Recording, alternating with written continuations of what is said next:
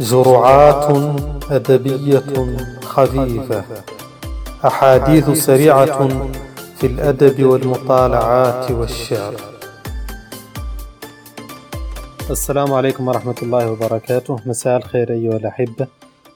آه، في هذه الحلقة الجديدة من جرعات أدبية خفيفة. آه، تناولنا في الحلقة الماضية آه، موضوع قراءاتي في الأدب الكلاسيكي وترشيحاتي لأهم الكتب وأهم الكتاب الذين قرأت لهم من واقع تجربتي.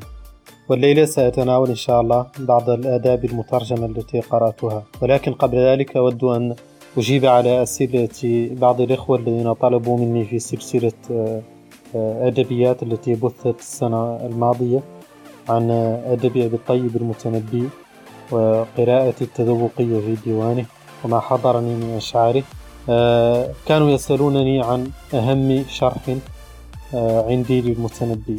أولا لم أطلع على جميع شروح ديوان أبي الطيب المتنبي وهي كثيرة جدا جدا. وأعتقد أن لكل شرح تيمة معينة أو موضوعا معينا يركز عليه. فمثلا شرح العكبري للمتنبي يركز على الناحية اللغوية. آه، شرح أبي العلاء المعري المسمى معجز أحمد شرح جميل جدا. وأعتقد أنه مهم لأنه شاعر للشاعر وأعتقد أنه أيضا آه، يولي اهتماما للمعاني واللمحات الفلسفية آه، في الشعر. الطيب من الشروح التي أعجبتني جدا وأرشحه بشدة للمهتمين أبي الطيب هو شرح البرقوقي وهو كتاب مهم جدا. في استطرادات رائعة في الأدب كما أن سرده ممتع. فصراحة أفادني كثيرا ليس فقط في الشعر المتنبي وفهمه ولا في مقارنته وربطه بالسياق العام ولكن أيضا في استطراداته الكثيرة الممتعة والمفيدة في شتى العلوم والفنون. فهو كتاب يزيدك ثقافة ويزيدك آه، بصيرة بالشعر وبالثقافة العربية. وليس هذا بشكل من الأشكال تقليلا من من أي شرح آخر ولكنني شخصيا أضع البرقوقي رقم واحد وبالعلاء رقم اثنين والواحدي رقم ثلاثة لبساطته ثم بعد ذلك العكبري. هذه الشروح التي قرأتها واطلعت على بعضها لديوان أبي الطيب المتنبي.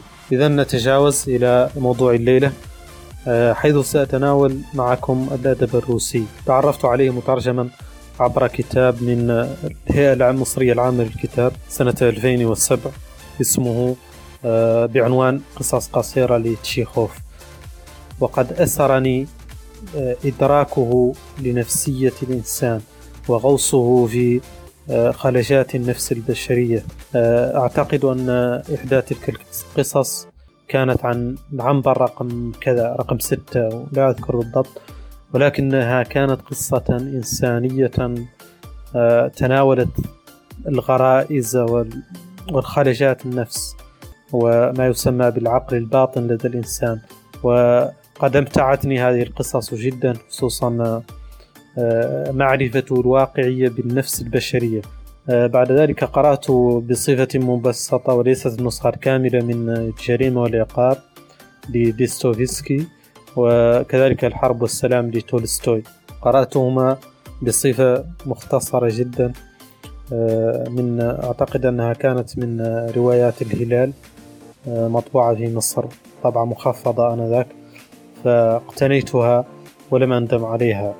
كانت روايتين ممتعتين جدا جدا وفوق الإمتاع كانتا فلسفيتين تتناولان النفس البشرية وما ينتابها من تناقضات.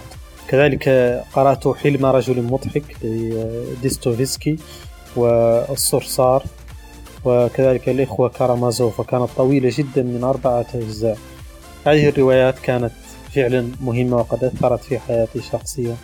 لذلك أرشحها لمحبي الأدب الواقعي وبمسحة فلسفية عميقة وليست آه، مجرد روايات سطحية للإمتاع فقط وإنما هي للإمتاع والتأمل وأن تعيش معها أيضا. هذا كل ما تذكرته في هذا الجانب من قراءاتي وكالعادة أرحب باقتراحاتكم وملاحظاتكم وإذا كنتم تقرؤون الأدب الروسي فماذا ترشحون من الكتاب غير هؤلاء؟ وماذا ترشحون من الكتب الأدبية في عالم الرواية. آه، شكرا لكم على حسن الاستماع وإلى حلقة أخرى. السلام عليكم ورحمة الله وبركاته.